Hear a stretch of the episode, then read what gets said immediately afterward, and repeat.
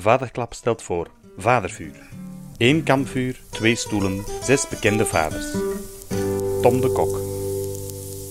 Dag Tom, welkom aan ons Vadervuur. We kennen jou van M&M op de radio, we kennen jou van presentator op tv, maar samen met jouw man heb jij ook een dochtertje.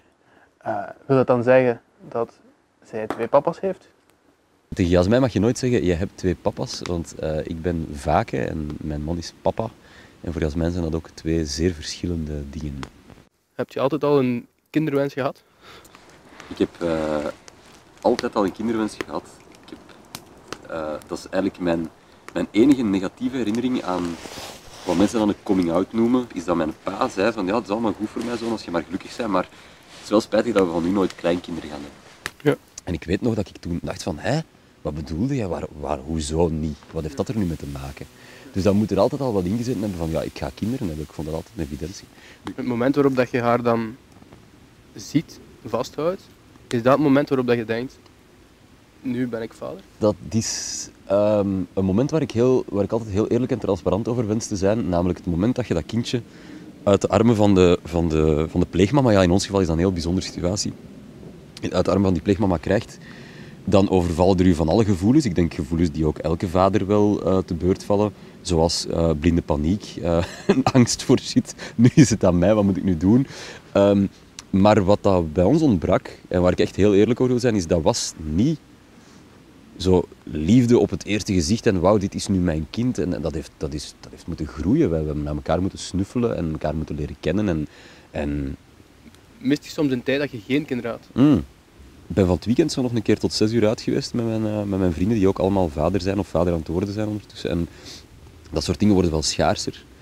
Maar ik heb niet het gevoel dat ik iets moet laten voor mijn vaderschap. Dus in die zin van... Um, ja, mijn leven is wat anders, maar ik ben ook ondertussen wat, zelf wat anders geworden en wat, ouder geworden. Um, ik vind... Ja, mijn man en ik hebben een, een, altijd al een zeer goede verstandhouding gehad. En ja, in tegenstelling tot sommige andere relaties waarin rollenpatronen misschien een rol spelen. Zo, ja, wij hebben geen vrouw die we al een afwas kunnen laten doen. Dus ons huishouden gaat sowieso keurig door twee. En dat is ook zo met alles wat met de opvoeding van Jasmijn te maken heeft. Dus wij gunnen elkaar heel veel ruimte en vrijheid. We hebben ook jobs waarbij dat, dat wel moet. Uh, uh, mijn man werkt als, als netmanager voor Ketnet, uh, ik dan zelf als radiopresentator. Waardoor wij ook vaak avonden en weekends zo weg zijn. En ik heb ook niet het gevoel dat ik daar iets op heb moeten inboeten.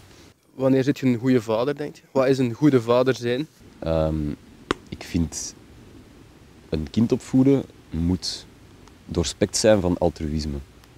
Als je met jezelf bezig bent, als je je kind als een soort accessoire hebt, en er zijn helaas wel mensen die dat echt doen, um, die een kind hebben omdat dat verwacht werd van hen, of om, om, ik weet het niet waarom, of die daar helemaal anders naar kijken, naar ouderschap, maar ik vind dat een kind um, echt uw enige en grootste prioriteit moet zijn.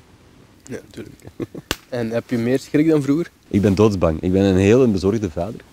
Ik heb ook een heel ruime fantasie. Ik durf wel te zeggen dat ik echt um, voor, elke, voor elk kreuntje en elke ademtocht dat niet helemaal klinkt zoals dat ik vind dat het moet klinken, opsta s'nachts en ga kijken nog altijd. Ik ben ook in het algemeen heel erg bezorgd, en, en dat meen ik echt serieus, over um, in wat voor een wereld dat mijn dochter terecht gaat komen. Ik ben daar in mijn job ook heel veel mee bezig. Ik ben, ben, ja, ik ben niet de meest neutrale radiopresentator van de openbare omroep. Je hoort mij wel eens een mening verkondigen. Maar als je de stand van de wereld een beetje volgt, dan weten dat dat, dat, dat nooit op deze manier helemaal gaat kunnen verder. Dat de generatie van onze kinderen die gaan moeten inleveren op een of andere manier. Die gaan anders moeten leren leven. En ik denk dat die daar kei slim in gaan zijn, dat die wat veel beter gaan kunnen dan wij. Die veel beter met technologie gaan omgaan, dat die veel beter met Noord-Zuid verhoudingen gaan omgaan, met ruimtevaart. Met, met, allee, dat, die, dat die slimmer gaan zijn in al die dingen. Wij zijn een overgangsgeneratie die onhandig zijn met dat soort dingen. En, en ook zo de spoken van onze ouders nog niet helemaal van ons hebben afgeschud. Maar tegelijkertijd baart, baart mij dat echt zorgen van, wat, shit, dan is, die, dan is die 30 en ik ben er dan misschien niet meer. En dan loopt hij in een wereld rond waar dan misschien veel meer oorlog gaat zijn over water als nu. Of, of... En hoe probeert je concreet dat, dat realistisch opvoeden? Hoe proberen jullie dat te doen of te integreren? Uh, wat ik heel belangrijk vind in Jasmijner opvoeding is dat hij niet bang is van mensen, dat hij met uh, heel veel gevoel voor diversiteit wordt opgevoed. Ze is zelf ook half Aziatisch van origine. En ik vond het bijvoorbeeld in de, kleuter, in de, in de keuze van de kleuterschool van Jasmijn heel belangrijk dat daar ook dat daar niet alleen uh, Lasses en Maries naar school gaan, maar ook uh, Aminas en, en, en Mohameds. Het hoort er sowieso bij, dat is, dat is belangrijk. Um, Waar haalt je je geluk uit?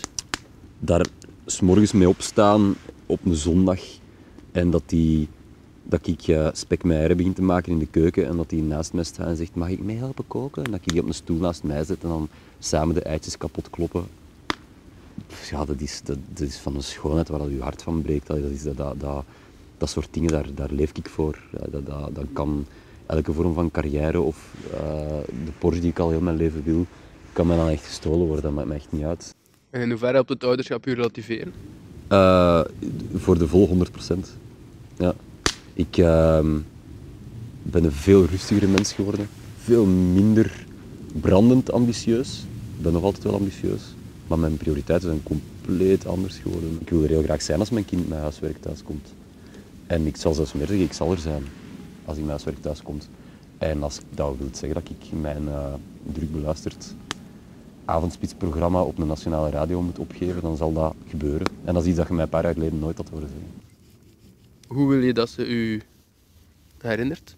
Uh, ik hoop dat hij kan zeggen dat wij haar liefdevol hebben grootgebracht met complete overgave. Want dat is wel wat dat wij proberen. Um, en ik hoop ook ergens wel dat hij voor mij als persoon, zo, en niet alleen als opvoeder, maar voor mij als persoon zo wel...